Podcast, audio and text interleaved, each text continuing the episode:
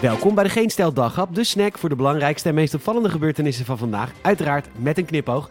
Met vandaag verzet tegen testevenementen, vrouw drie keer aangereden en K3 lacht ons helemaal terecht uit.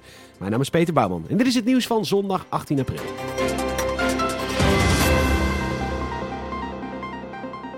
Aangezien we klaarblijkelijk ervoor kiezen een testmaatschappij te worden in plaats van een gevaccineerde maatschappij, wordt er natuurlijk getest met Field Lab evenementen.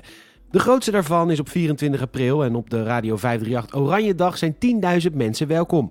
Een klap in het gezicht voor de horecaondernemers die met het openen van de terrassen juist publiek wil spreiden. En een klap in het gezicht van het Amphia ziekenhuis dat 400 meter verderop bomvol ligt met mensen op de buik. En dus startte chirurg Rogier Krolla een petitie tegen het evenement en deze is op dit moment al meer dan 200.000 keer digitaal ondertekend. Morgenavond wordt de burgemeester op het matje geroepen die zijn stad zonder inspraak van de gemeenteraad naar voren heeft geschoven, dat meldt het AD. Ondertussen worden kaartjes voor het feest voor duizenden euro's aangeboden via Marktplaats. Want ja, iedereen wil wel een feestje.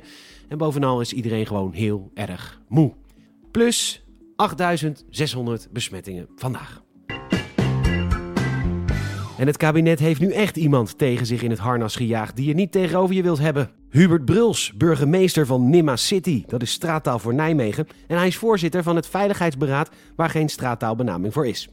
Die terrassen moeten open, want de samenleving heeft ruimte nodig, zei hij vandaag in WNL op zondag. Er wordt te veel gekeken naar alleen maar de zorg en hij geeft aan dat ook de mensen van zijn handhaving op de tenen lopen, want ook die zijn al een jaar lang bezig met een zware taak. Eh, het komt er eigenlijk op neer dat iedereen gewoon heel erg moe is. Gisteravond is een vrouw in Amsterdam drie keer aangereden en zelfs één keer overreden. Dikke pech zou je zeggen, maar nee, het was een ruzie over een aankoop van een mobiele telefoon. Dat meldt AT5. De dader, een 23-jarige taxichauffeur die een telefoon te koop had aangeboden via Marktplaats. Deze zou nep zijn, de vrouw ging verhaal halen en toen ontstond de ruzie. Er werd ingegrepen door een aantal omstanders die de taxi probeerden klem te rijden en die zijn dan ook weer aangehouden voor openlijke geweldpleging.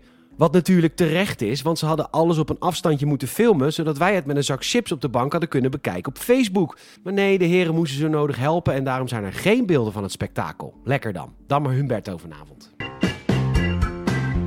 Menig vader zat gisteren weer met de broek op de knieën achter de televisie, want K3 was weer eens te zien, ditmaal bij het programma Even tot hier.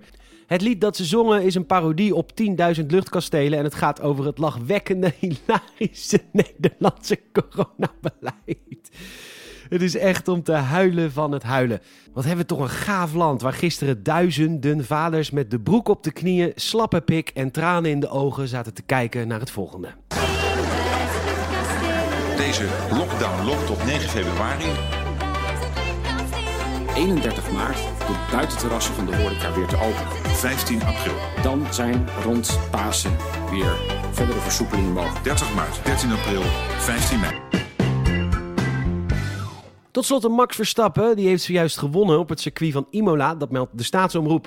Lewis Hamilton kwam op de helft van de wedstrijd in de problemen en raakte van de baan. Hij wist uiteindelijk nog de tweede positie te veroveren, maar het was gelukkig Max die als eerste over de finish raasde. Het was vooral een uitdagende race omdat delen van de baan droog waren en andere delen vochtig. Hamilton blijft koploper om de wereldtitel, maar het verschil is nog maar één punt. Bedankt voor het luisteren en je zou ons enorm helpen als je een vriend of vriendin vertelt over deze podcast. En ook een Apple Podcast review zouden we enorm waarderen. De werkweek gaat weer beginnen. Veel plezier daarmee en tot morgen.